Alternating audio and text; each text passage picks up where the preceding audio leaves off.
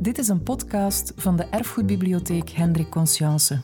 Eén keer per maand op zondagochtend kun je bij ons terecht voor een notenboomlezing. In deze lezingen bekijken we de maatschappij en cultuur van vandaag door een historische bril. Je kan ze hier herbeluisteren. We wensen je heel veel luisterplezier. Uh, goedemorgen, dames en heren, vrienden. Welkom op ondertussen onze voorlaatste lezing in de reeks over mei 68 met spreker Dirk de Wachter, waar ik meteen iets meer over ga zeggen. Het wordt een persoonlijk verhaal, dus ik start mijn inleiding ook met een persoonlijk verhaal. Het is vandaag een zeer bijzondere dag. U hoort het de klokken luiden. Ik heb gelezen dat de klokken 15 minuten gaan luiden, omdat het 100 jaar geleden is dat de Eerste Wereldoorlog is gestopt. Het is ook de 50ste verjaardag van Operation Commando Hunt. Um, ehm, 11 november 1968. Waarom vieren we dat niet? Of waarom staat dat niet in de media die wel volstaan van 11 november 1918?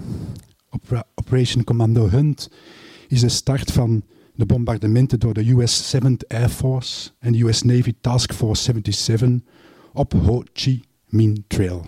Een, een heel uh, belangrijke corridor in de Vietnamese oorlog. Wij zaten in 68, dus in het midden van de Vietnamoorlog. Ik denk dat toen ook dus de 50ste verjaardag van de, het einde van de Eerste Wereld, Wereldoorlog minder of allicht in mineur is gevierd. Ik heb het niet echt kunnen nakijken, maar het zal allicht een heel andere viering geweest zijn. 3 miljoen, miljoen ton bommen gedurende 40 maanden zonder eigenlijk één tactisch verschil. Waarom zeg ik dat ook allemaal? Ik ben zo beginnen nadenken ook over tijd en afstand. Um, ik was toen drie jaar. Dirk de Wachter heeft in zijn inleiding bij deze uh, lezing geschreven dat hij in mei 68 acht jaar was. Drie jaar. Ik herinner me mijn jeugd, ik wist van die oorlog niks. Ook in de jaren 70 wist ik daar niks van.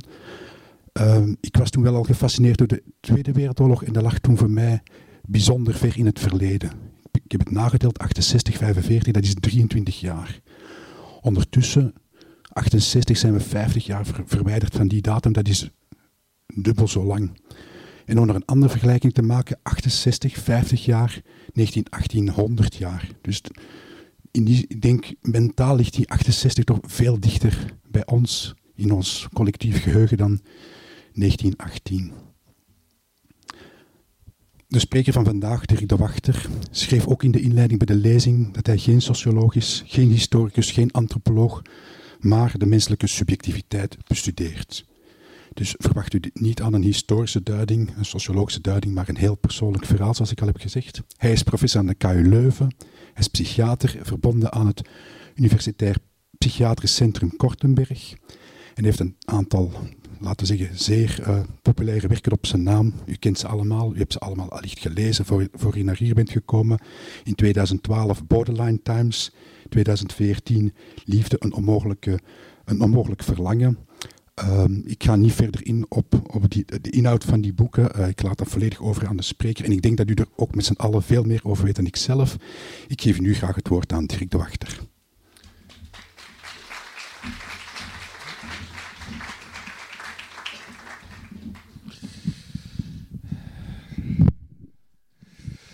Goedemiddag, wat een prachtige zaal. Voilà. Uh, eh, 19, er is mij gevraagd om dus te spreken over mei 68. En zoals gezegd, ik was toen acht jaar oud. Wat moet ik daarover zeggen? Ik dacht, ik weet daar niks van. Maar wat, hoe men mij dan altijd verleidt, dat is door te zeggen: ja, maar dat is juist interessant. Dat je er niks van weet, dat maakt het zo interessant. Het niet weten als een soort van motivatie. Dat was dus, uh, dan sta ik hier weer. Ik had gezegd: in het weekend wil ik niet spreken, ik wil dan thuis zijn. Maar allez, bon, voor een keer. In mei 68 hadden wij thuis al een televisie. Mijn vader was van, van in het begin van het jaar, mijn vader was nogal gefascineerd door de moderne technologie. En wij hadden dus al vrij vroeg in het dorp waarvan ik kom een televisie. En ik herinner mij, het, ik weet het niet zeker, omdat het geheugen is eigenlijk een zeer... Uh, onbetrouwbaar uh, gegeven. En het zou kunnen dat ik het nadien gereconstrueerd heb en ge, geherconstrueerd heb. Maar eigenlijk herinner ik mij in 68 deze beelden op het journaal, op het BRT-journaal. En dat was ook een, dit is een mooie zaal, maar dat is ook een mooie zaal. Dat is de Odéon in Parijs. Ja. En in die Odéon, die Odéon was dus ingenomen door studenten, was helemaal gekaapt door studenten die daar eh, dagenlang uh, van alles in organiseerden, maar ook kampeerden. Uh, dat helemaal innamen. En op een bepaald moment, dat was een soort moment suprême, werd Jean-Paul Sartre, die toen al een wat oudere filosoof was, werd daar toen ingehaald als een soort held. Enzovoort. En ik, ik als kleine jongen heeft dat veel indruk op mij gemaakt. Ik vond dat heel bijzonder. En ik dacht, als ik groot ben, dan ga ik dat ook meemaken. Dan ga ik ook zo, ja, de revolutie kunnen meemaken. Als ik groot ben, dacht ik. Dat, dus dat is mijn insteek. Mijn insteek is, wat is mijn subjectieve heel hoogst persoonlijke beleving van dit gebeuren. Ik was acht jaar oud en ik dacht, zoals jongetjes van acht jaar oud denken, wat als ik groot ben? Ik denk, als ik groot ben, ga ik dat meemaken. Maar ik was klein en ik woonde daar in de Ruppelstreek in Boom. Ja?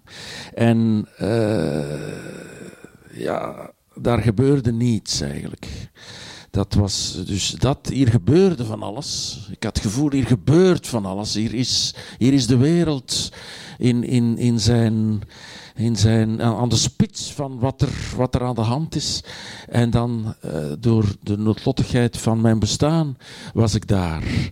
Dus dit, dit zijn de droogloodsen van de baksteennijverheid die toen al leeg stonden. Dat was niks meer. Hè. Er waren nog twee steenbakkerijen actief, klein. En voor de rest was dat allemaal verlaten en leeg en voorbij. Ik kom uit de wereld die voorbij is. En dus dacht ik, ik moet wachten. Dat dacht ik, moet wachten tot mijn tijd gekomen is. Uh, en ik kom altijd. Dus het wachten. Nu, eh, men, men kan zeggen, ja, het wachten, dat is toch iets heel bijzonders. Nu, ik heb mij laten vertellen dat jullie een uh, geëduceerd publiek zijn. Dus ik kan toch eventjes zeggen dat het wachten bij de Duitse filosoof Heidegger gezien wordt als de essentie van het bestaan het wachten. En dat deed mij eigenlijk veel plezier om dat te lezen, omdat mijn naam, de wachter, waarvan ik altijd dacht dat dat maar een heel banale naam was, die blijkt nu de essentie van het bestaan te bevatten. Dat vond ik wel uh, goed gedaan van Heidegger, die voor de rest uh, natuurlijk van alles gedaan heeft. Maar ik heb dus gewacht. Hè. Het was dus in 68 nog veel te vroeg en ik heb gewacht. En ik, uh, ik, ik heb hier nog iets over het wachten meegebracht. Ik ben een beetje verkouden. Dat komt eigenlijk goed uit om citaten van Leonard Cohen te lezen. Maar wat zegt Cohen over het wachten? Hij zegt: You wouldn't like it, baby. You wouldn't like it here.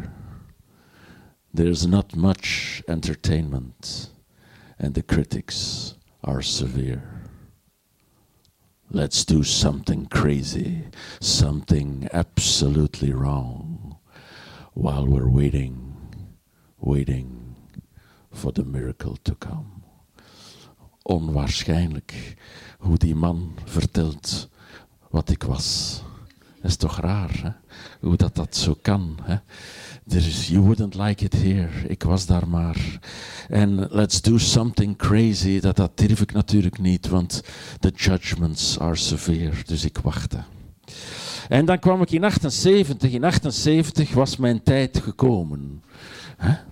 Ik had gewacht. En wat bleef er dan over van die studenten?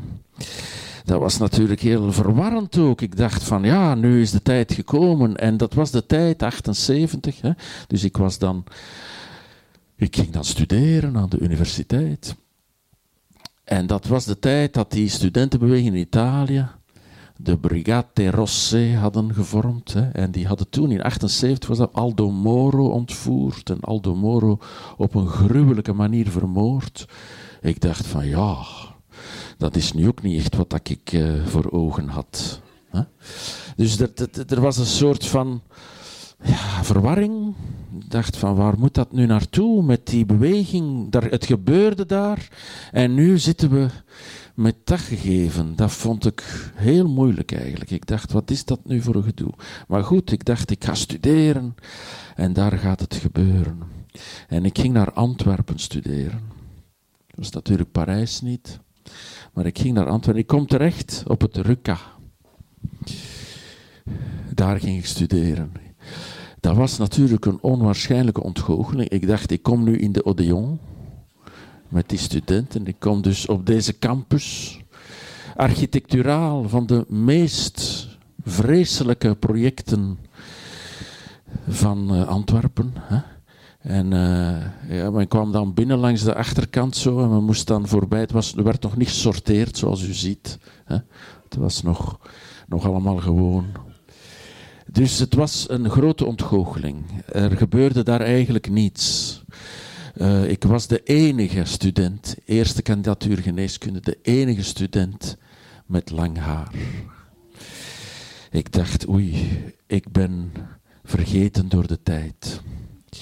En dan heb ik, dat was tevoren al een beetje bezig, door al die verwarring en die onmogelijkheid. Het enige wat een mens kan doen, is psychiater worden.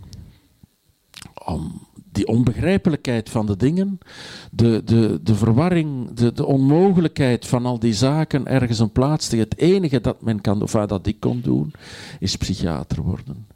Ik dacht, er is maar één oplossing. Dat is van de verwarring en van de gekte en van de onmogelijkheid van mensen mijn beroep maken. Zo is het gegaan. Zo is het gegaan.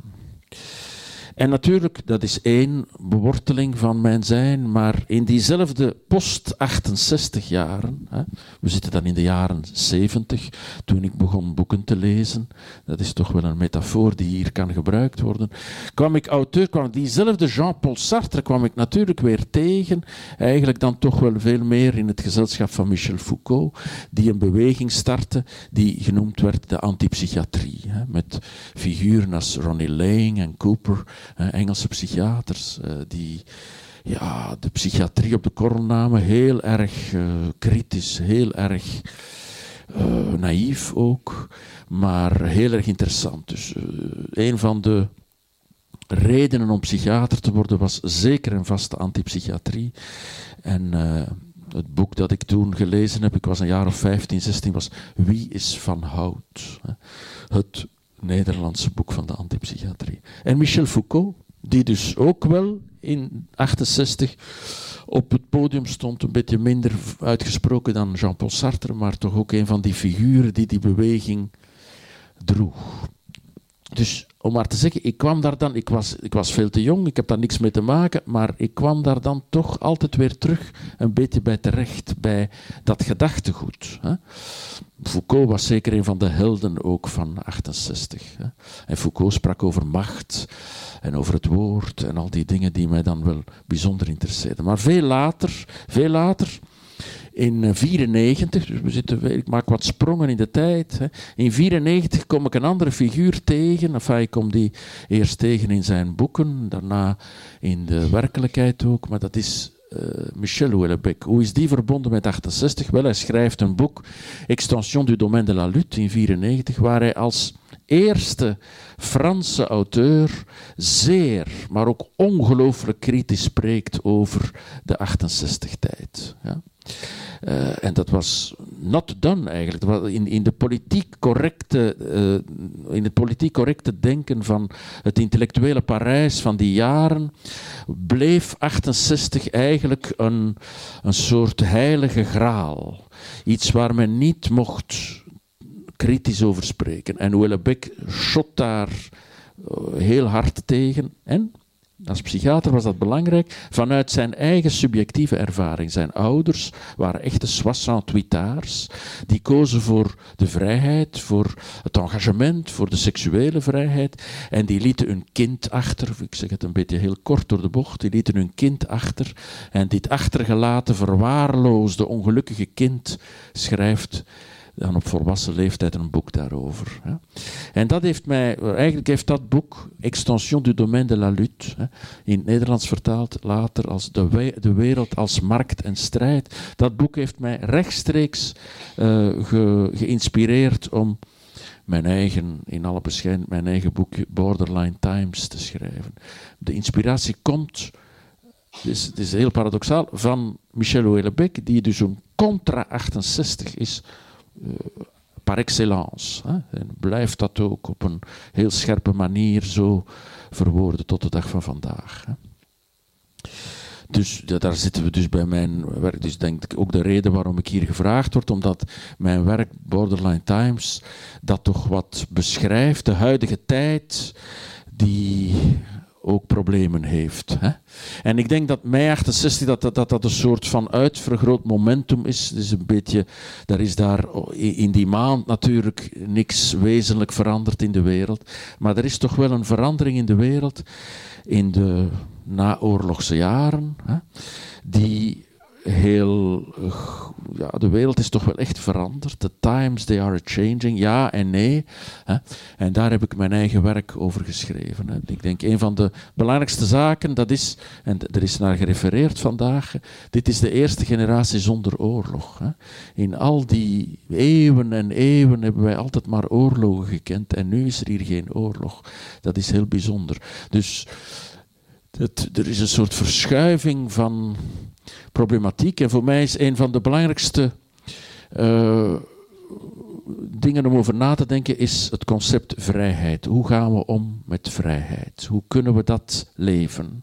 Hoe kunnen we de vrijheid leven. Wat, wat Sartre ook verwoordt, hè. de mens is veroordeeld om vrij te zijn. Dat zal de uitdaging zijn. En dat denk ik natuurlijk vanuit de psychiatrie, vanuit de, de DSM. Hè. Dat is door de Bijbel van de psychiatrie. DSM-3 was dat in 1980, die de borderline personality disorder beschreef. Dat was heel raar, maar ik was toen een uh, jonge assistent toen die, die DSM in het Nederlands uitkwam. Dan waren we 85.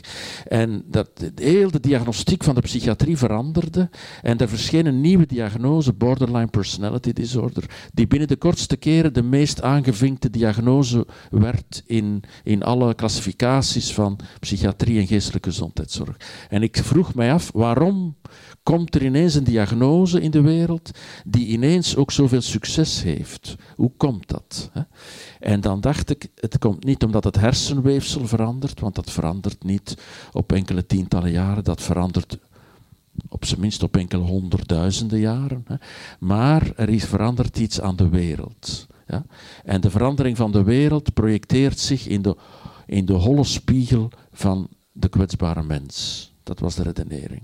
Dus hè, het is niet mei 68 als, als momentum, maar dat is een soort beweging die daarin uh, zich weerspiegelt ook. Ja, de verandering van de wereld.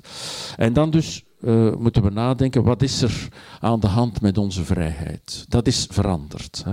Niet in mij, maar in, in, in de westerse wereld. De westerse wereld. We moeten altijd goed opletten ook dat we spreken over de westerse wereld, want in het binnenland van Afghanistan heersen andere structuren. Hè. En het is daar, neem het maar van mij aan, niet beter leven. Hè. Dus we leven hier heel goed en toch hebben we veel problemen. En die hebben onder andere te maken met vrijheid. Vrijheid die, denk ik, in onze tijd, hier in onze maatschappij, heel erg individueel wordt ingevuld. De vrijheid lijkt iets te zijn van het autonome ik. Ik wil mijn goesting doen. Zo wordt die vrijheid ingevuld.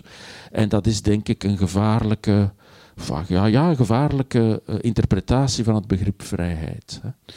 Ik ben zelf nogal een voorstander van het begrip uh, vrijheid van de Franse filosoof Jean-Luc Nancy, hè, die een post-Levinasiaan is en die zegt het bevorderen van de vrijheid van de ander. Dat is de ware vrijheid. Dat is een heel mooie definitie eigenlijk. Hè. Hoe kan ik ervoor zorgen dat de medemens vrij is? Maar dat is niet de, de, de vrijheid die we nu nogal overal zien heersen. Dat is namelijk de vrijheid van hoe kan ik zoveel mogelijk mijn goesting doen. Ja? In het beste geval wordt het nog gelimiteerd door het niet schaden van de ander. Het zou nog mogen aan mankeren. Hè? Maar eigenlijk is dat die egocentrische, ikkige vrijheid een probleem van de tijd. Vind ik. Hè. U mag het natuurlijk niet eens zijn, dat is geen probleem. U zet daar vrij in. Hè. Ja. Maar hoe kunnen we ons bevrijden, bevrijden hè, zonder te vervallen in een soort van ingebunkerde eenzaamheid? Dat is eigenlijk de uitdaging van de tijd. Ik denk dat. Uh, ik zet hier een vraagteken, maar ik denk dat een volstrekte autonomie voor, voor het menselijk dier een illusie is. Ik denk dat de mens de ander nodig heeft, dat wij fundamenteel verbonden wezens zijn en dat een al te zeer inzetten op vrijheid in de zin van ikkige uh, egocentriciteit een probleem is van onze wereld. En dat het verbondene, klinkt vlug een beetje wollig natuurlijk, hè, dat het verbondene essentieel is voor het zijn. Dat wij zijn in de blik van de ander. Ja? Da, dus, hier, kom ik weer met Heidegger. Daar zijn, zegt hij, het zijn zelf. Het zijn van de mens is altijd met zijn. Ons zijn is een altijd miteinander zijn, een samen zijn. Ja? Dat komt omdat het mensenkind natuurlijk geboren wordt als hulpeloos wezentje. Als een kind geboren wordt in, in de menselijke natuur, dan kan dat niks. We zijn allemaal heel erge prematuurtjes eigenlijk. Als we geboren worden, zijn we niet klaar om te leven. We hebben de ander, de ouder, nodig om te bestaan. Niet alleen voor eten en drinken, maar ook voor uh, vastgehouden te worden, voor geliefd te worden enzovoort. Dus het is essentieel voor de mens om met anderen te zijn. En onze wereld, en dat is natuurlijk niet begonnen in mei 68, dat is begonnen, men kan daar in de, de geschiedenis is, is natuurlijk iets dat je overal kunt laten beginnen. Hè. Uh, men kan zeggen dat is in de verlichting al ingezet, hè, de, de, geboorte van de burger en het individuele, wat in C een hele goede zaak is, dat we kunnen een eigen zijn zijn, maar wat doorschiet, denk ik, in de, weer, in de, in de uh, westerse wereld tot een uitvergrote illusie van autonomie. Tot het ideaal waar we onze kinderen opvoeden als je moet het maken en succesvol zijn op je eigen. Op uw eigen. Hè. Ook afhankelijkheid en zorgen voor zijn te mijden uh, levensdoelen. Wat natuurlijk heel lastig is, want als men onvermijdelijk door ziekte, en ik ben een dokter, hè, door ziekte of door leeftijd of door noodlottige toestanden in een afhankelijke positie komt, dan zitten we in onze wereld vaak met een groot probleem. Onze wereld die heel erg, die een sociaal systeem heeft dat prachtig is, hè, maar ondanks dat prachtige sociaal systeem dreigen veel mensen uit de boot te vallen van het sociale weefsel en ergens in eenzaamheid terecht te komen. Dat is geen rare hypothese van een, van een antipsychiater, maar dat is een door sociologen en epidemiologen erg bewezen, enfin, door evidence bewezen hypothese. Heel veel mensen in onze westerse wereld voelt zich eenzaam. Uh, dat is raar, want we wonen heel dicht op elkaar in grote steden. We hebben door de technologie heel veel instrumenten om verbonden te zijn. En toch voelen we ons alleen. En dat is denk ik toegenomen. Er waren vroeger natuurlijk ook mensen die zich alleen voelden, moet dat goed nuanceren. Maar, hè. Ik denk dus dat de traditionele schablonen van, van uh, intermenselijkheid wat dreigen te verkruimelen en weg te vallen. Het gemeenschapsleven, het middenveld zoals men dat noemt. Hè. Het kerktorengebeuren, wat allemaal gevaarlijk is om zo te zeggen. Het is natuurlijk absoluut niet de bedoeling om terug te gaan naar die tijd van vroeger, van de hypocriete dorpsigheid. Hè. Absoluut niet, van de onderdrukking van de vrouw, van de onderdrukking van alle seksualiteit. Dat is een gruwel. Hè. Ik kom uit zo'n dorp. Ja. Ik ben daaruit gevlucht.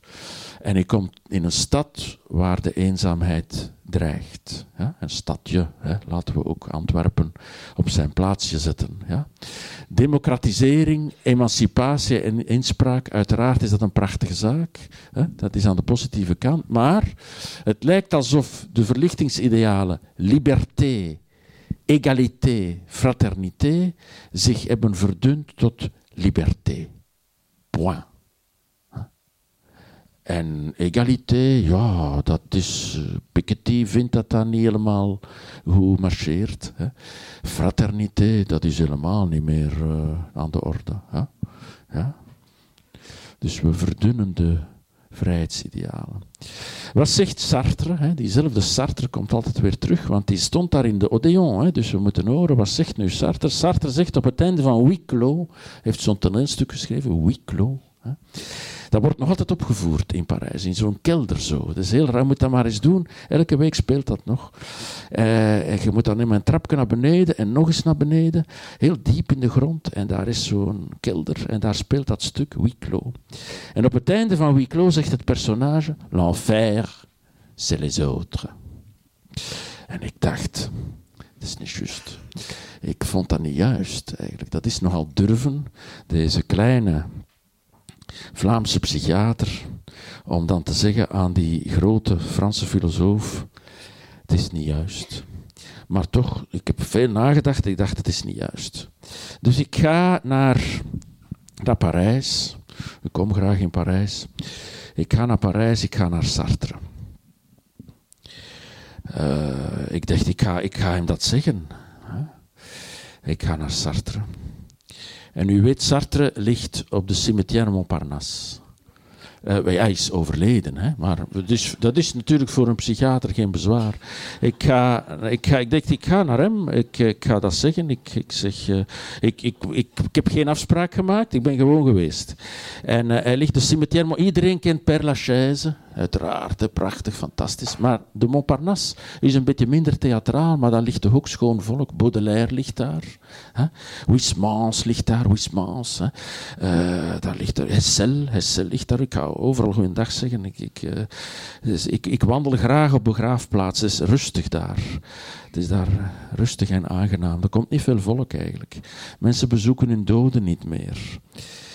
Serge Gainsbourg ligt daar ook op de Montparnasse. Weet u, u kunt zijn, die, ligt die, centrale gang zo, je kunt het graf gemakkelijk herkennen. Het is nogal groot en het ligt vol sigarettenpeuken. Ja, wat doen mensen? Dus voor Gainsbourg, Serge Gainsbourg, je kent hem wel. Hè? Je t'aime moi non plus. Hè? Je t'aime moi non plus. Niemand weet wat dat eigenlijk wil zeggen, hij zelf ook niet. Je t'aime moi non plus. En dus mensen komen aan zijn graf en om hem te eren roken ze een Gauloise en dan doen ze die uit op zijn graf. En dat ligt dus vol peuken. Eén keer per week wordt dat, wordt dat uh, gekuist en dan ligt dat daarna terug vol peuken. Ik denk dat hij content is daarmee eigenlijk. Denk ik, denk ik. Enfin, ik ga naar, eh, ik zeg Serge, goeiedag, maar ik, ik, ben, ik, zeg, ik, ga naar, ik naar Jean-Paul. En, en ik kom bij Sartre. Bij Sartre ligt ook het graf vol met geen sigarettenpeuken, hoewel hij ook behoorlijk rookte. Hè.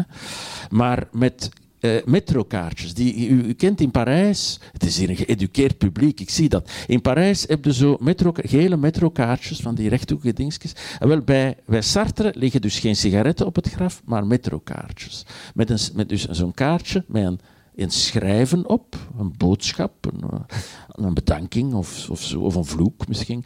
En daarop een steentje. Zo'n steentje van op de weg legt men dan, zodanig dat dat briefje niet, niet wegwaait.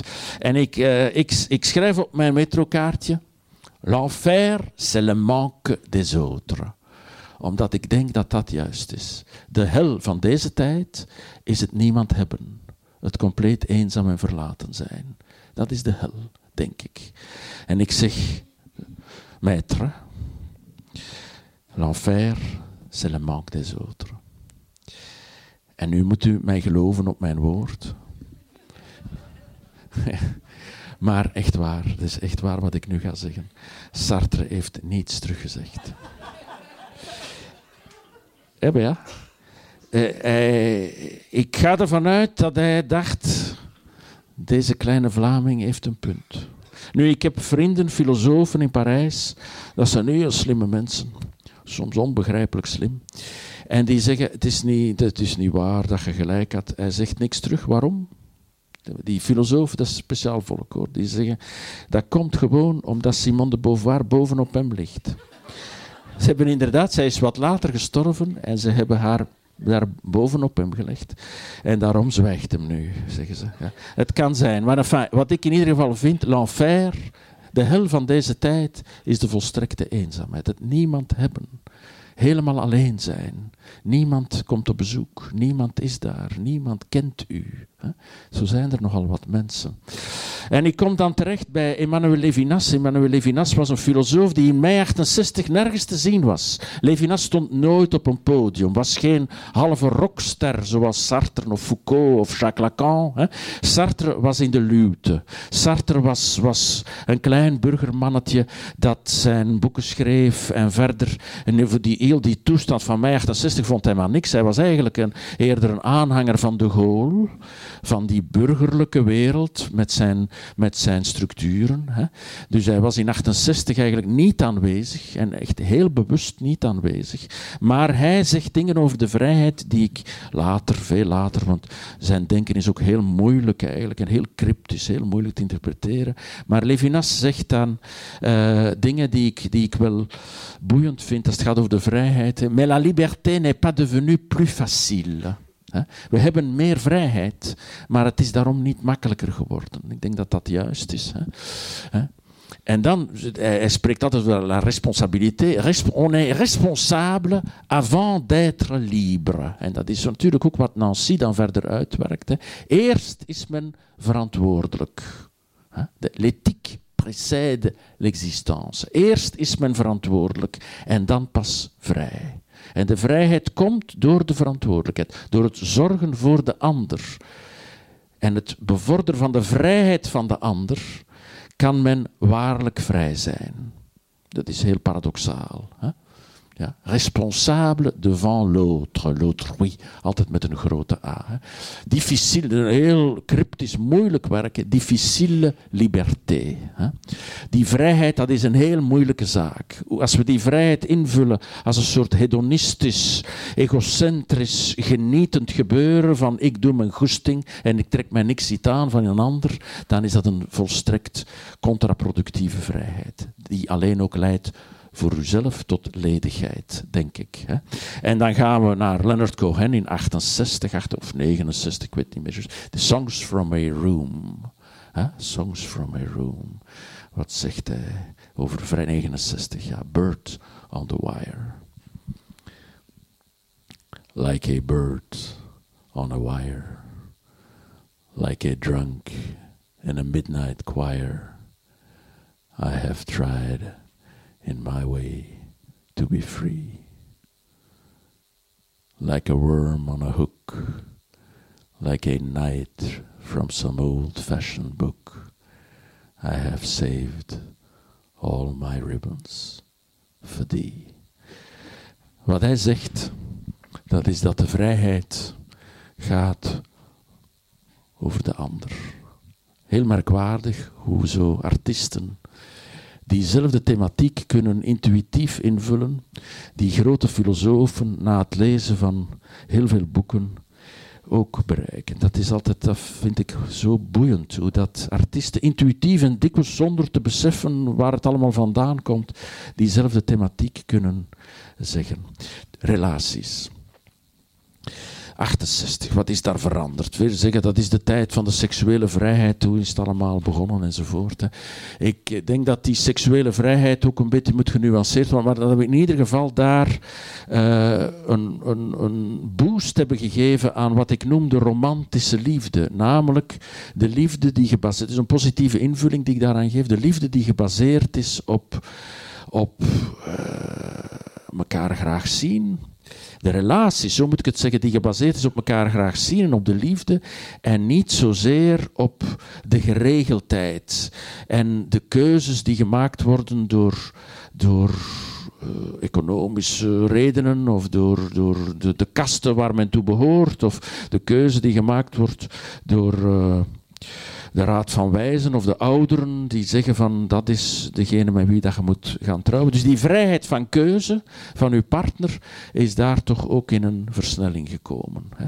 Tegelijkertijd lijkt die vrijheid van keuze soms wederom altijd dezelfde redenering, een egocentrische invulling te krijgen, waardoor we de relatie van de ander en de liefdevolheid van de ander gebruiken voor onze eigen opgezwollen ikkigheid en waarbij we eigenlijk de ander gebruiken voor ons egocentrische genot. En als de ander opgebruikt is, dan gaan we naar anders en beter. Dat soort van relatievorm is natuurlijk ja, zeer problematisch. Dus hoe kunnen we daar ook weer de, het relationele zo goed mogelijk ten opzichte van de ander beleven? En niet alleen ten voordele, in, op een usurpistische manier ten voordele van een, van een priapistisch zelf. Zo noem ik dat dan. Het priapisme, u kent dat, dat is een medische term, maar het priapisme is, priapisme is de erectie die niet verdwijnt. Dat blijft maar. En dat uh, is heel ernstig. Dan moet je naar de spoedgevallen, uh, want dat leidt tot volstrekte impotentie hedonisme. Eh, ik moet een beetje voortmaken of ik zit hier morgen nog, dat is niet de bedoeling. Wat er toch wel mogelijk veranderd is, is de man-vrouw verhouding. Waar we nu toch weer, uh, ik denk wel, ik ben heel voorzichtig en heel kritisch, maar ik denk dat er de laatste jaren, dat de emancipatie van de vrouw toch iets heel wezenlijk is dan weer niet in mei 68 is gebeurd, want weet dat dat toch... Daar in de Odeon zat dat ook toch vooral vol mannen, hoor. En de mannen die opgevoerd waren, waren ook allemaal mannen, hè? Sartre en Foucault. Dus het was toen nog wel allemaal heel mannelijk. Maar ik denk wat er, wat er gebeurd is de voorbije jaren, is de... de de opkomst van de vrouw. Dat denk ik wel. Hè. Dat is nu de laatste weken en maanden weer terug heel erg in, in, in, de, in de actualiteit, heel het MeToo-gebeuren. We kunnen daar veel over zeggen. Maar ik ga daar toch een beetje over, omdat ik nog van alles wil vertellen. Het relationele. Ja, Cohen is wel bij uitstek de man die over het relationele zingt. En uh, The Sisters of Mercy, 68. Een film, er is een film gemaakt door Robert Altman. En die film heet McCabe and Mrs. Miller. En daar is die muziek in gebruikt. Ook The Sisters of Mercy en ook The Stranger Song. De ander als ander. I told you when I came I was a stranger. Maar wat zegt hij hier? Ah, you won't make me jealous if I hear that they sweetened your night. We weren't lovers like that. And besides, it would still be alright. Een soort eh, idee van, kijk, het relationele is vrij en we doen waar we zin in hebben. En verder is er geen verbinding. De Sisters of Mercy was een, in de film dan van Altman een, een hoerenkast eigenlijk, waar vlijtig gevogeld werd. Uh, weliswaar ook natuurlijk tegen betaling. Ja. Uh, ja, hij, Cohen zit heel zijn werk te, laveren tussen die seksuele vrijheid, waar hij heel erg naar, naar verlangt, en tegelijkertijd het verlangen naar hechting en duurzaamheid en blijvendheid, die hem niet lukt. Heel zijn werk gaat daarover. Ook al het werk van, van Michel Houellebecq gaat daarover. Uh, en dit is een heel mooie uit Extension du domaine de la lutte, waarin hij zegt il ne, fallait, il ne fallait pas se monter la tête. Cela n'arrivait presque jamais. En met cela bedoelt hij de echte, duurzame, blijvende liefde. Michel Houellebecq, als hij het al zegt. En dat zegt hij dan. Pourtant, dans certains cas, extrêmement rares, presque miraculeux, cela pouvait arriver. Zijn boodschap is altijd in al zijn boeken onder de donkerte, onder het cynisme, onder het pornografische, is altijd het verlangen naar, naar de hechting, naar attachment, naar de duurzame ander, naar iets blijvend, naar iets om te kunnen waarlijk zijn. Heel zijn werk gaat daarover. Wordt niet altijd zo gelezen. Identiteit. Wat kantelt er in 68, wat dus niet in 68 is, maar in deze tijd, in mijn gedachten? Dat is wie zijn wij? Wat ben ik? Ik denk dat we uit tijden komen waarin dat zijn erg bepaald werd door afkomst, door waar we woonden, door wat, we, wat onze ouders deden, door het verhaal van onze ouders. Twee, drie generaties geleden, als uw vader een arbeider was, dan was de kans zeer groot dat je ook naar het fabriek ging werken. Een klein percentage arbeiderskinderen werd op school opgemerkt door de priester-leraar om te zeggen: Jij moet verder studeren. Maar de meeste mensen waren vast in hun sociale laag. We hebben daar een vrijheid gekend, een meritocratische maatschappij. We hebben toch heel erg de neiging om te denken dat dat een, een, een grote vooruitgang is, dat dat een hele goede zaak is. Dat denk ik wel. Hè. Maar die vrijheid eh, is ook weer niet gemakkelijk. Het lijkt alsof we alles moeten kiezen. Alsof we onze studierichting kiezen, ons beroep kiezen, onze partner kiezen en zelfs, het gaat erg ver, ook onze, onze seksuele identiteit kiezen. Dat is door de laatste jaren erg aan de orde. Wij kiezen niet alleen ons beroep en onze partner en onze woning, maar wij kiezen de wezenlijkheid van ons bestaan, namelijk ons, onze seksuele oriëntatie, maar ook ons seksuele zijn. Dat is niet makkelijk. Het is een moeilijk iets. Het kiezen van die dingen is erg moeilijk. En ik pleit natuurlijk niet om terug te gaan naar een tijd waar geen keuzes waren. Absoluut niet. Het is absurd. Hè? Maar ik wil wel de nadruk erop leggen dat de illusie dat alles te kiezen is, heel moeilijk is. En dat het ook een illusie is. Hè. Uh, ik heb, ik heb het, uh, het, voorrecht gehad om gedurende vele jaren mensen met transgenderproblematiek te begeleiden. Uh, in samenspraak met de Universiteit van Gent was dat. Met Griete Kuiper, de psychiater daar. Hè, die dus mensen die in aanmerking kwamen voor een transitie van man naar vrouw, van vrouw naar man. Ik zag die, ik ben een gezinstherapeut, ik zag die, die, die, die echtparen en de kinderen ook. Hè. En ik heb gezien dat dat een heel moeilijke zaak is. Ja. Maar ik heb ook gezien dat bijvoorbeeld de prognose van kinderen best goed is als zij maar goed gehecht en graag gezien worden. Dat is heel moeilijk om. we, dachten eigenlijk twintig jaar geleden, ja, als mama een meneer wordt of papa een mevrouw wordt, dat is voor kinderen zo verschrikkelijk verwarrend, dat is traumatiserend, dat is lastig. Die gaan daar later heel hun leven moeilijkheden mee hebben. Dat is niet waar. Mensen, uh, die, als dat kan besproken worden, als dat liefdevol, in een liefdevolle hechting kan, kan dat, dat geduldig, dat proces, als die dat mee kunnen doormaken, is de prognose zeer gunstig. Maar de maatschappij is daar ook nog helemaal niet klaar voor. Hè. Ondanks de film Girl is dat iets dat toch nog heel moeilijk ligt. En niet iedereen heeft de capaciteiten en de mogelijkheden en de intellectuele mogelijkheden van Petra de Sutter natuurlijk. Hè.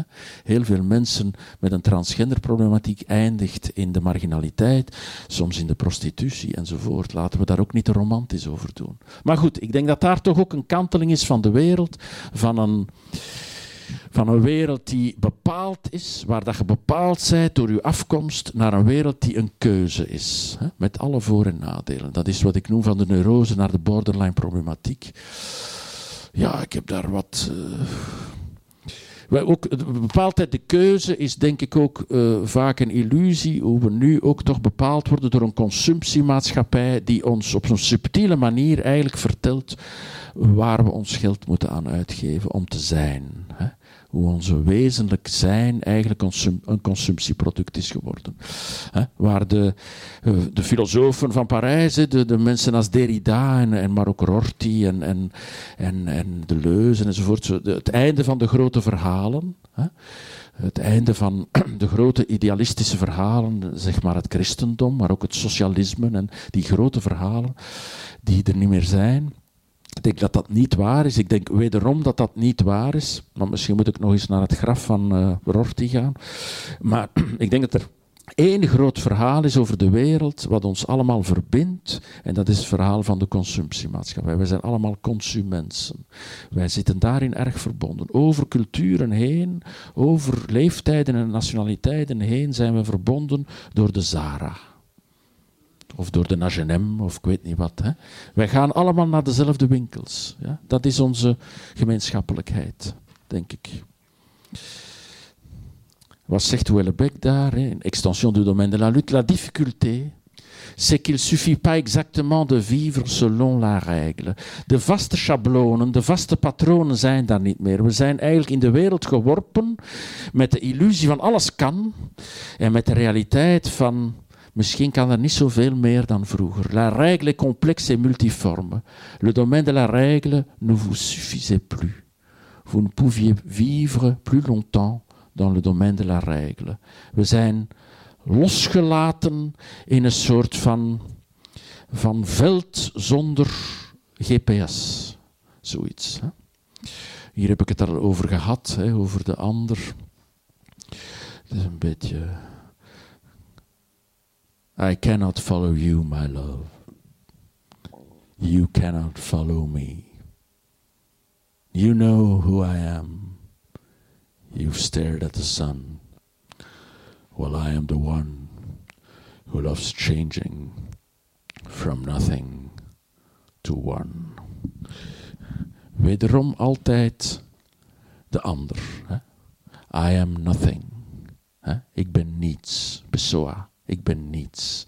Het enige dat er kan is de ander. De emo-cultuur.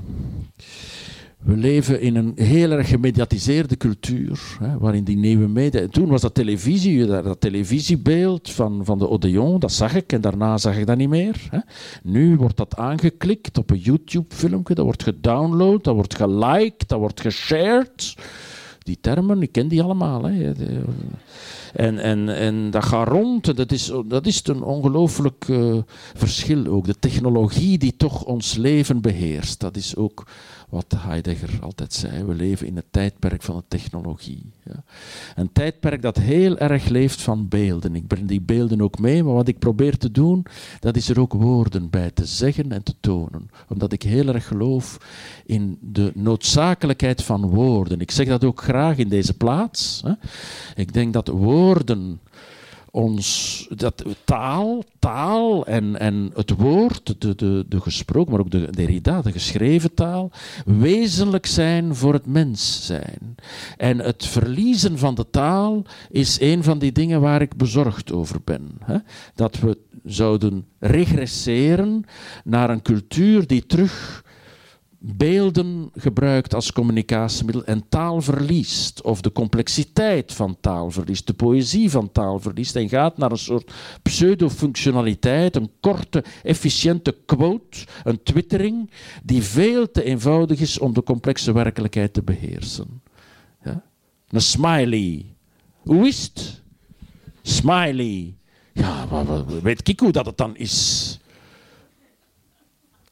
Smileys, doe gerust. Hè. Allee, bedoel, ik heb niks tegen smileys aan zich. Maar als de communicatie wordt versmalt tot een smiley, versmiled, dan, dan vernietst zij, denk Dat is niets, niets.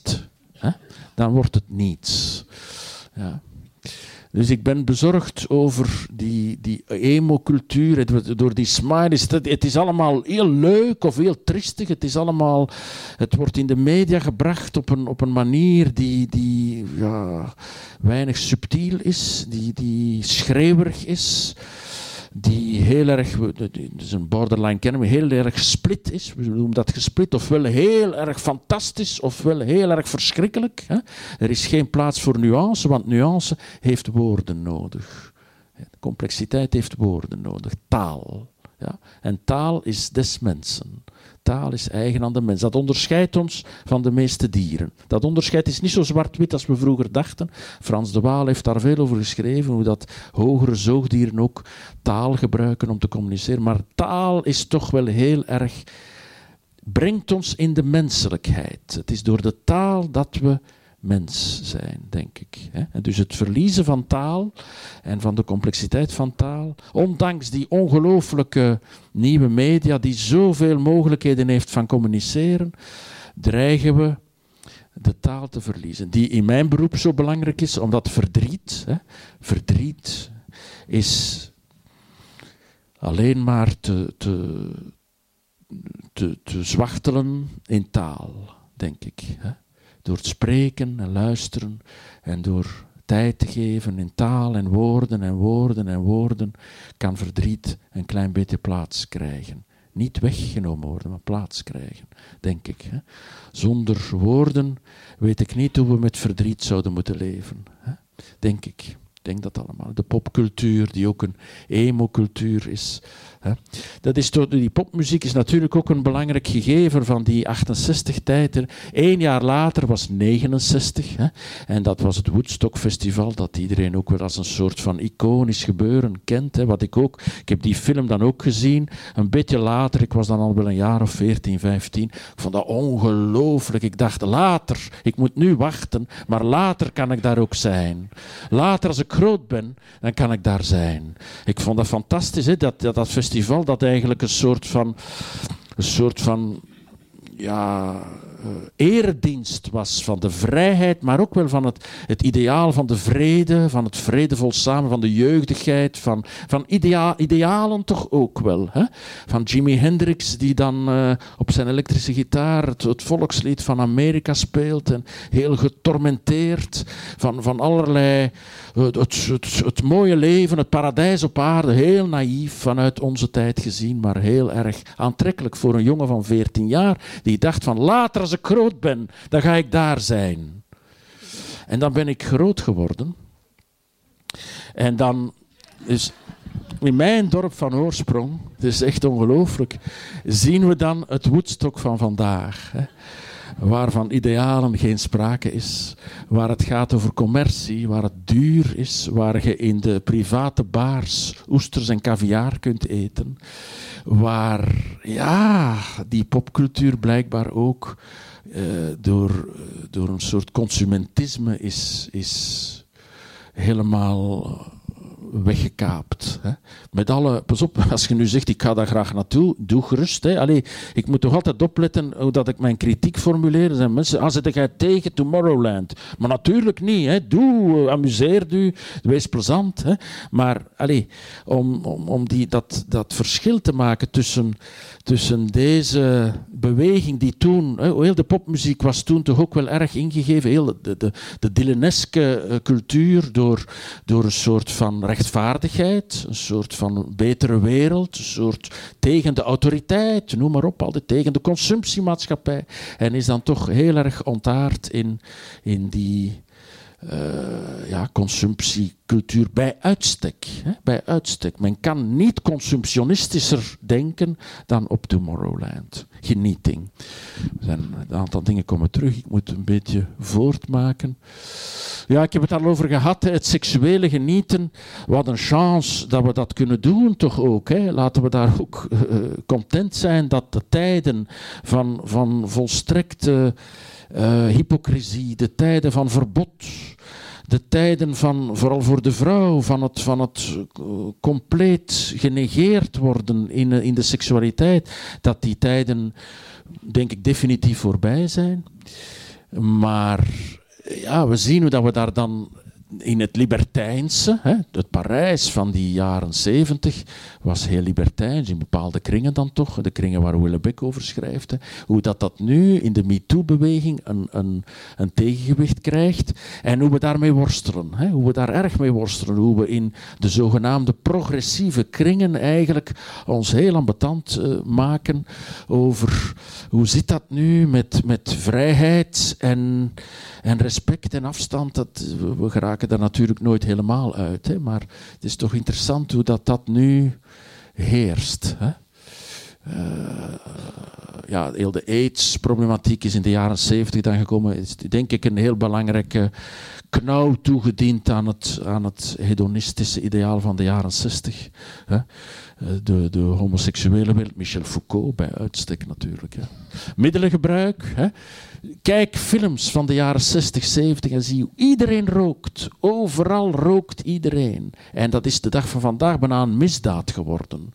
Het is toch ook soms fors ook. Ik, ik liep met een goede vriend van mij op Washington Square Park in New York. Washington Square Park is een heel mooie plek. Uh, waar, waar graag verwijlen is zo. Wat die eekhoorntjes over de bonen, bomen springen. Eh, waar Henry James geboren is op Washington, waar de, universiteit ook is van New York University. En ik was daar met een vriend. En uh, ik, ben, ik ben geen roker, maar ik ben wel een sociaal roker. Als iemand graag een sigaretje rookt, doe ik graag mee. Zo. Maar ik rook zelf niet eigenlijk. Maar dus samen, en die vriend is een echte roker, een filosoof, een echte roker. En die zegt: laten we een sigaretje opsteken om te vieren dat we hier mogen zijn. Maar er kwam een politieagent met een mitraillet. En uh, men mag niet roken in Washington Square Park. Dat is verboden daar. En ik dacht, oei oei, dat is toch wel straf hoe dat, dat veranderd is. Hè? Alcohol. Bij drugs is het wat moeilijker zo. Daar lijken we nog, nog te, te het, het, het, het kunnen de vrijheid voor het gebruiken van drugs, dat is nog een dubbel gevoel zo. Maar roken en alcohol, dat mag niet. Dat is heel raar. Hè? De fastfood enzovoort. Ik moet een beetje voortmaken. Le désir lui-même, eh, we zitten weer bij Houellebecq, deze keer particule elementair, dat boek heeft hem beroemd gemaakt. Hè? Elementaire deeltjes, vertaald in 33 talen, heeft hem de meest vertaalde hedendaagse Franse schrijver gemaakt. Le désir lui-même disparaît. Het verlangen uh, gaat, het verlangen verdwijnt. Het, het verlangen zelf, le désir. Il ne reste que l'amertume, la jalousie et la peur. Wat er blijft is l'amertume. L'amertume is een heel mooi Frans woord. Dat is de verbittering, de bitterheid. Ja. Misschien kent u amer picon. Je hebt van de amer picon, de bitter, klein beetje bitterheid is ook niet slecht zo in de rest van. Ja. Maar goed, il reste l'amertume, une immense, une inconcevable amertume. En dan zegt hij, dat is, vind ik heel scherp gezien, aucune civilisation, aucune époque n'ont été capables de développer chez leur sujet une telle quantité d'amertume. Hoe is dat toch mogelijk? We leven hier zo goed. We hebben het heel goed. We hebben nog nooit in de geschiedenis van de mensheid zo goed, zo lang, zo gezond, zo goed geleefd als nu. Hier op dit stukje van de aardbol. En we zijn malcontent, zurig, ambetant. Dat is raar. Hè? Dat is waar Houellebecq over spreekt. Ja. Egalité egaliteit. Daar zijn de sociologen mee bezig, de politologen mee bezig. Hè. Hoe zit dat? Hè? Die, heel die 68-beweging was natuurlijk gedreven toen in die tijd nog door een, een marxistisch ideaal, door een groot verhaal nog. Hè. Grand histoire, ook Sartre, hè? ten volle. Hè? Volle daarin. En wij zijn nu dat is toch nogal universeel in de, in de uh, westerse wereld, hoe dat marxistische uh, idee verbleekt is.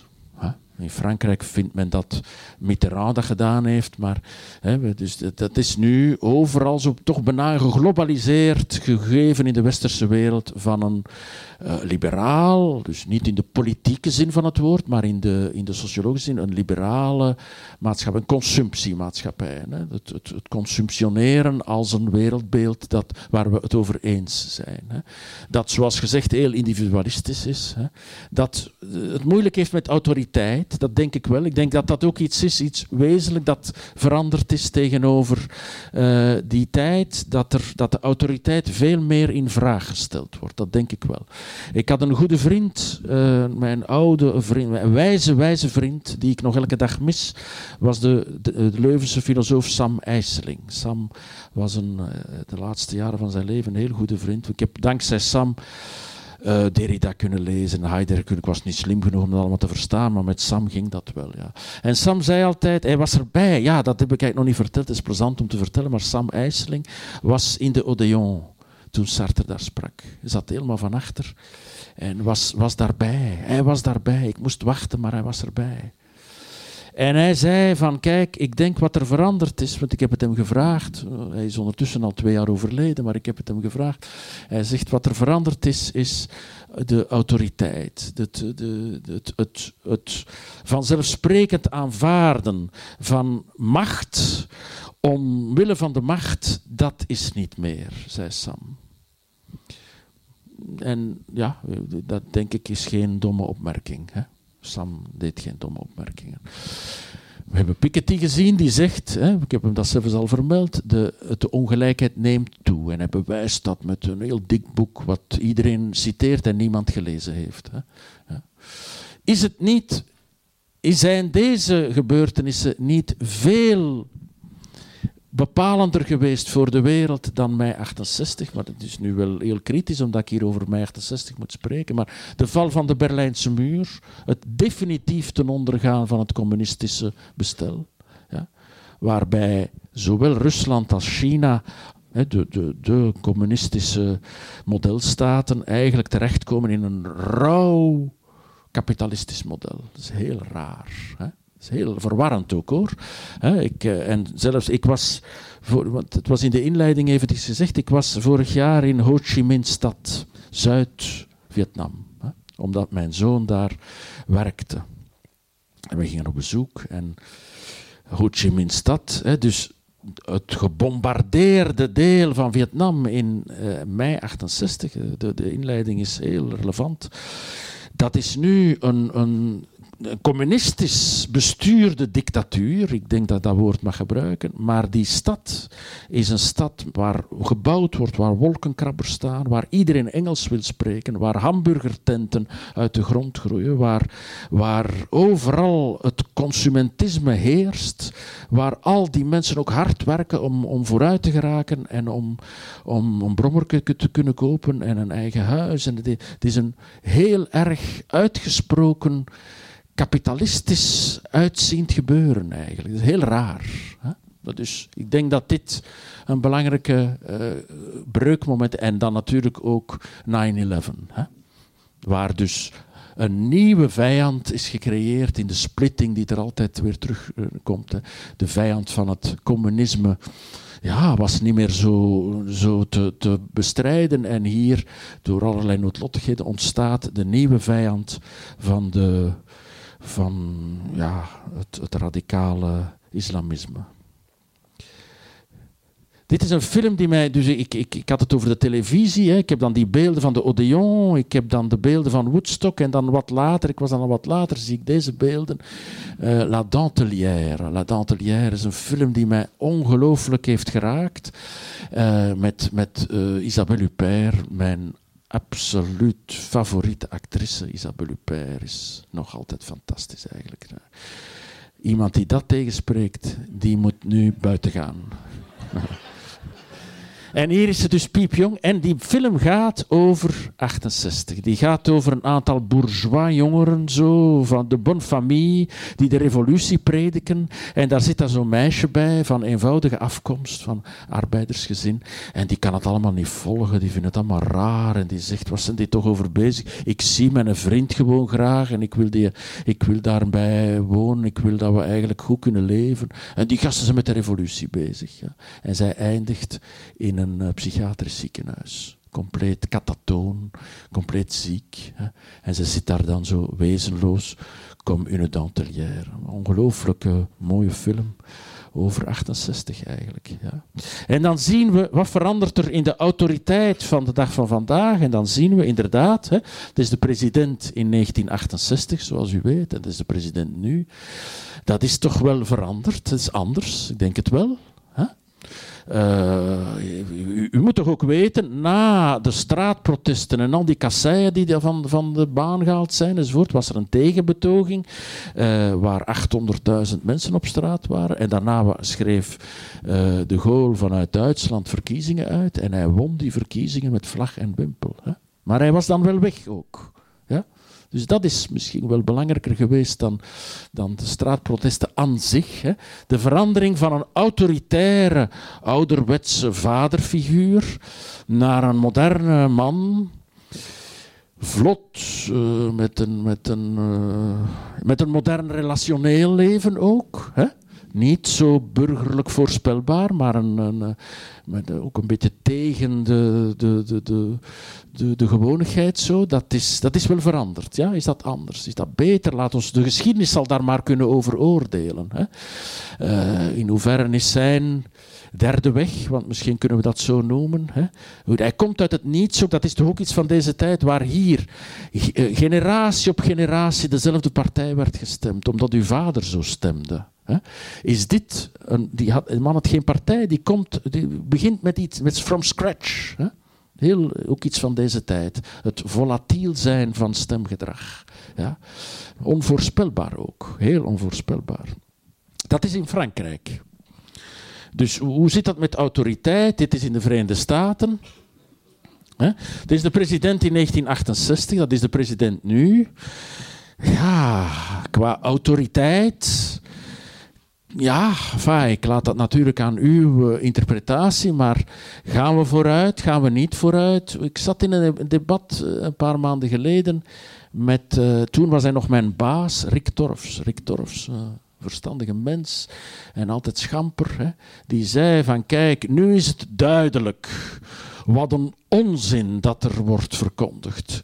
Toen was het niet duidelijk, maar het was even verschrikkelijk. En dat, hij had daar wel weer een punt zo. Hè. Hij zegt van ja, we vinden dit nu van, het, van de uiterste verschrikking als leiderschap. Hè. Hè. Maar ja, deze figuur bleek toch ook niet zo ideaal te zijn. Hè. Zijn, uh, is dan ook natuurlijk geïmpeached enzovoort enzovoort. Maar dus verandert de wereld? De vraag is verandert de wereld of verandert de wereld niet? De, het antwoord is altijd zeer genuanceerd, denk ik. Hè. Er zijn dingen die veranderen, dingen niet. Het is pas binnen 100 jaar dat we dat een beetje zullen kunnen in kaart brengen. Ik heb uiteraard ook onze eigen... Uh, hier ga ik, ik wil niet aan partijpolitiek doen, hoewel ik langs alle kanten aan mijn mouwen word getrokken. Maar voilà, ik laat dat aan uw interpretatie, hoe het leiderschap ook verandert of niet verandert, naar gelang hoe u dat wil zien. Hè. Ik denk, er zijn toch veranderingen, al was het maar dat er meer kleur gekomen is. Hè. Voilà. Iets wat merkwaardig niet aan bod uh, kwam in mei 68 is, en dat is heel merkwaardig omdat dat de agenda vandaag heel erg beheerst, is de problematiek van het milieu, heel de ecologie. Men stak autobanden in brand op straat, dat is verschrikkelijk vervuilend. Hè. Maar daar werd niet over gepiept. Hè. Dus het ecologische is eigenlijk pas 10, 20 jaar later opgekomen. Dat is merkwaardig. Dat, is, dat bepaalt nu de agenda. Bij een aantal jonge mensen zie ik hoe het ecologische bijna religieuze vormen aanneemt. Als een soort groot ideaal om naar te streven. Is dat goed? Is dat niet goed? Ik zie dat gebeuren. Was toen niet aan de orde. De vluchtelingenproblematiek, die denk ik de dag van vandaag een van de wezenlijke problemen is van deze wereld, van de westerse wereld. Hoe gaan we daarmee om? Wat doen we daarmee? Hoe gaat dat evolueren? Dat was toen niet aan de orde. Niet aan de orde. Hè? Ik denk dat dus de oliecrisis van 74 misschien meer betekenisvol is geweest dan mei 68. Ik ben nu kritisch over heel dit gebeuren. En dan toch eh, wil ik over die zaken, de Club van Rome, die al rapporten maakten in de vroege jaren 70, waar toch ook al werd gewezen op de, de bevolkingsexplosie, de planeet die, die het niet zou kunnen houden hè, en die de milieuproblematiek toch wel al aankaarten. Hè. De Club van Rome heb ik altijd zeer interessant gevonden. En dan, ik moet echt eindigen, maar de, een, een wezenlijk ding, denk ik, een wezenlijk ding waar we niet onderuit kunnen, dat is de, de secularisering van de westerse wereld. Hè. Ook in dit Vlaamse land. Maar kijk, op dit uur horen jullie in de kerk te zitten en niet hier. Hè. Uh, dat is veranderd. Hè? Dat is veranderd. Het, het, het, massaal kerkelijke is gekanteld naar een ontkerkelijkende wereld. Uh, die bevrijd is, waar we van denken, gelukkig zijn van die autoritaire structuur bevrijd, maar die denk ik door het kind met het badwater weg te gooien, ergens zoekende is naar zin. Volgens mij, als psychiater, is de mens een, zin, een wezenlijk zinzoekend wezen. En is het wegvallen van die schablonen, van die structuren die de zin voor ons invulden, een probleem? Is dat iets waar we mee worstelen? Een boeiend probleem ook. We worden geacht om zelf onze zin te zoeken. We zijn daar vrij in. Ja? En dat is een moeilijk iets. Ik heb dat al gezegd. Het einde van de ideologie, en dat is niet helemaal waar. We zitten dus in dat consumptionisme, waar ik van denk dat de zin beperkt is. Men kan naar de Zara gaan en nog eens naar de Zara. Maar ja, de zinvolheid daarvan heeft zijn beperkingen, denk ik. Met, met alle excuses, als er nu iemand van, de, van het bestuur van de Zara is, dan is dat ambetant natuurlijk. Hè, maar allez, bon. En we leven dus in tijden van relativisme, van scepticisme, van twijfel, soms van nihilisme, soms van cynisme. En dat is het einde van de cultuur. Cynisme is het einde van de cultuur. Ik trek me van, van niks zit aan verlies ik mijn stem. Ik trek mij van niks zit aan, de wereld gaat naar de knoppen. Als ik maar kan genieten en ik vlieg naar de Cayman-eilanden, ik ga daar in de bubbelbad zitten borrelen en de rest kan me niet schelen. Uh, dat is het einde van de cultuur. Dus op een of andere manier zal de, En wat zie ik ook? Daar zal de wereld zin moeten zoeken. Wat zie ik? Ik zie ook dat dat zo fundamenteel in de mens aanwezig is dat we ook jonge generatie mensen zien zoeken. En dat er overal boeken verschijnen over spiritualiteit en over zin. En veel onzin overigens. Veel oppervlakkige nonsens. Veel onnozele tijden. Veel consumptionistische zin ook. Hè. Dure weekends in mooie resorts waar de zin wordt gezocht in bubbelbaden en chique zwembaden en, en allerlei dingen waar de zin alleen maar verder wegdrijft. Hè? Zelfgenoegzaamheid is het grote kwaad van deze tijd, denk ik. Hè? En dan in het psychiatrische weefsel zien we de burn-out verschijnen als symptoom van waarom doe ik dit? Ik kan niet meer, ik wil niet meer. Wat is de zin? Wat zit ik hier te doen? Ik denk dat de, de wezenlijkheid van de burn-out zit hem in de zin, denk ik, meer dan in het aantal uren. Wat niet wil zeggen dat het aantal uren soms ook niet te veel kan zijn. Hè? Maar ik denk de wezenlijkheid van de burn-out zit hem in de zin. Niet gezien worden, niet geapprecieerd worden, niet erkend worden van wat u doet is eigenlijk mooi. Wat u doet is zinvol. Wat u doet is van betekenis. Ik heb het gezien. Het is gezien geworden. Zoals Gerard Reven dat dan zei. Ja. Dit is 68, voilà. Paulus de zesde was dat nog, 68. Hè. Dat, uh, zien wat een massa dat dat is. Hè. En dat is de zin vandaag. Ja, chic. Het is dat chic, hè. Eh, en alleen.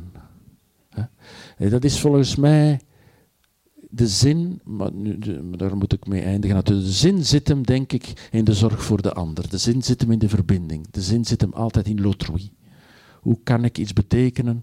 Zorgzaam zijn voor de ander. Ik denk dat daar de wezenlijkheid van de zin zit. Hoe kan ik gehecht zijn? Hoe kan ik iets betekenen voor de wereld, voor de ander? Dus wat Levinas noemt la petite bonté, het kleine goede. Hè? Hoe kan ik van betekenis zijn? Ik denk dat daar de zin zit. Ja. Je moogt dan zo staan, maar dat hoeft niet. Wat zegt Houellebecq over de zin? Hij, ik ben daar natuurlijk niet altijd ook eens met hem. Nous voulons retourner dans l'ancienne demeure où nos pères ont vécu sous l'aile d'un archange. Nous voulons retrouver cette morale étrange die sanctifie la vie jusqu'à la dernière heure. Zo de, de, het, het, terugkeren naar de vroeg. Vroeger was het toch beter, dat soort idee. Dat is natuurlijk een illusie. Men kan nooit de tijd terugdraaien. Men kan niet naar vroeger. En laten we ook maar heel eerlijk zijn, de verschrikkingen van vroeger willen we ook niet terug. Maar het zoeken naar de zin, op een of andere manier zinvol bestaan, is denk ik de essentie van dit leven. En dan zitten we uiteraard bij Levinas. Nous proposons d'appeler religion le lien qui s'établit entre le même et l'autre, het zelf en de ander. Sans constituer une totalité. Heel het werk van Levinas is, is erop gericht om totaliteit, totalitaire regimes letterlijk, maar totalitaire structuren altijd weer terug te corrigeren, te ontmantelen, te deconstrueren en, en altijd terug te keren naar de wezenlijkheid van de ene mens tegenover de andere mens. Die unieke wezenlijkheid van de ene mens tegenover de andere. Ja? Enfin, we kunnen daar veel op doorgaan, maar ik eindig met uh, Leonard Cohen. De, Leonard Cohen was van in mijn jeugdjaren, toen ik moest wachten, ik wacht eigenlijk nog altijd, hè, toen ik moest wachten was uh, waiting for the miracle to come. The miracle didn't come natuurlijk. Hè. Maar ik eindig, ja ja, daar ik eindig, het is het laatste. Leonard Cohen was mijn compaan, mijn compagnon de route. Hè? En hij had allerlei liedjes, soms, soms heel mooi, soms heel betekenisvol. Maar op het einde van zijn leven, is gestorven in september twee jaar geleden, zoals u weet. Hè? En hij sterft en hij heeft nog vlak voor hij sterft, maakt hij nog een, een cd waarin hij zijn sterven eigenlijk bezingt. Ja? Hij zingt over uh, I leave the table. Hè? Ik ga weg, ik ga weg, voilà. En dus eh, er staat een song op Treaty, noemt die song. En die song wordt herhaald als laatste van zijn laatste cd met een strijkkwartet. Een strijkkwartet dat dus de, die song muzikaal uh, begeleidt. En, en op het einde zingt hij dan dit. Het is onwaarschijnlijk hoe hij, zonder mij te kennen, mij letterlijk citeert. Het is onwaarschijnlijk. Is, ik had niet mooier kunnen meemaken hoe deze man, die ik erg bewonderde voor zijn poëzie, voor hij sterft, mij letterlijk citeert. Ik, uh, ik was daar erg van geraakt natuurlijk. En wat zegt hij dan? I wish there was a treaty we could sign. I wish there was a treaty between your love and mine. It's over now. The water and the wine. We were broken then, but now we're borderline. Thank you.